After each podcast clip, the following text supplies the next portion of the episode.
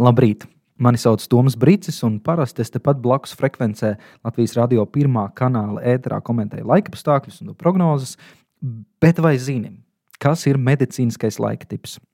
To bieži piemin laika ziņās, bet vairums cilvēku nemaz nesaprot, kā un kāpēc tas tiek noteikts. Un visu vēl vairāk sarežģīja tas, ka tādu medicīnisko laika tipu neizmanto tikpat kā nekur citur pasaulē. Un arī Latvijā par tā lietošanu nozares eksperti nav viensprātis. No vienas puses mēs varam būt lepni, jo medicīniskais laika tips ir tapis Latvijā. Skaidru un detālu liecību par tā izstrādi gan nav, un iespējams līdzīgi mēģinājumi klasificēt laikapstākļus pēc to ietekmes uz cilvēku veselību notika arī citur pasaulē. Bet pieredzējušākie nozares eksperti zina stāstīt, ka pagājušā gadsimta otrajā pusē jūrmālas rehabilitācijas iestāžu ārsti ieinteresējušies par laikapstākļu ietekmi uz pacientu veselību un ar tā laika meteorologiem likuši kopā laikapstākļu datus un pacienta pašsajūtu un veselības stāvokli. Tā izkristalizējies, ka būtiskāko ietekmi uz cilvēku pašsajūtu atstāja straujas laikapstākļu izmaiņas un jo īpaši atmosfēras jeb gaisa spiediens. Tā nu radīja medicīniskos laika tipus - četrus. Pirmais, ja atmosfēras spiediens ir nedaudz paaugstināts un stabils, bez lielām izmaiņām, tas esot vislabāk, tātad īpaši labvēlīgs. Ja atmosfēras spiediens ir normāls vai nedaudz pazemināts, tā ap 760 mm dzīvesudraba stabiņa, kāds Latvijā ir visbiežāk, medicīniskais laiktips ir otrais labvēlīgs.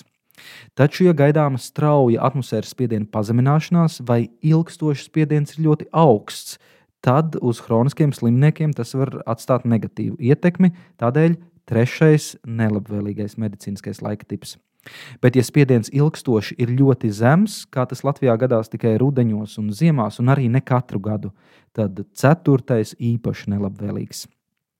Vēl šajā formulā ar mazāku nozīmi, bet ir arī tāda temperatūra, ja ir ļoti augsts, bargs, sals vai ļoti karsts, veicīgs laiks, tad arī apstākļi raksturojami kā trešais nelabvēlīgais laika tips. Problēma gan ir tajā, ka tas attiecas uz cilvēkiem ar chroniskām saslimšanām un nav zināms, kāda tolaik bija pacientu izlase, ar kādām saslimšanām, cik daudz cilvēku novēroti. Mēs paši savā draugu lokā un radu lokā zinām, ka vienos un tajos pašos laikapstākļos kāds jūtas labāk, kāds sliktāk.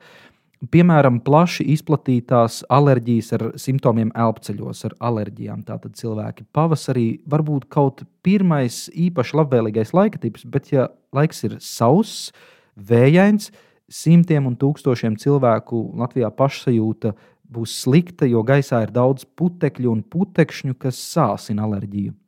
Tāpēc es mūsdienās ieteiktu, ja jūtat, ka ir kādi laikapstākļi, kuros pašsajūta kļūst sliktāka, sāsinās kādas kaitas, publiski ir pieejams lērums datu, vai tas būtu gaisa mitrums, spiediens, temperatūra vai ultravioletais starojums Pasakojiet līdzi, kurš no šiem apstākļiem jūs slikti ietekmē, un nevajadzēs klausīties vispārinātos medicīniskos laika tipus.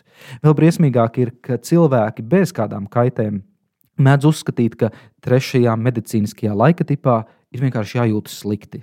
Nu, nē, nav.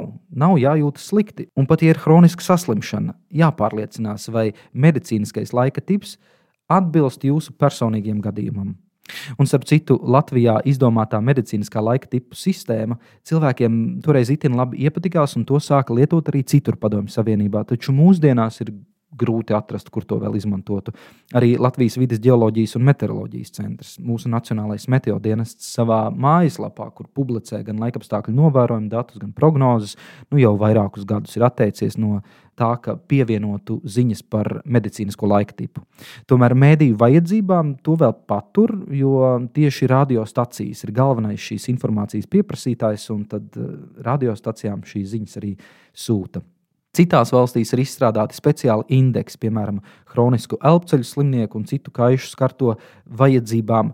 Tā kā, ja arī dzirdi kaut kur medicīniskais laika tips šodien, trešais nelabvēlīgs, neņem pierē, bet painteresējies par laikapstākļiem. Un tad, kad patiesi jūties kaut kā pārāk labi, nu tad noskaidro, kas ir galvenais iemesls.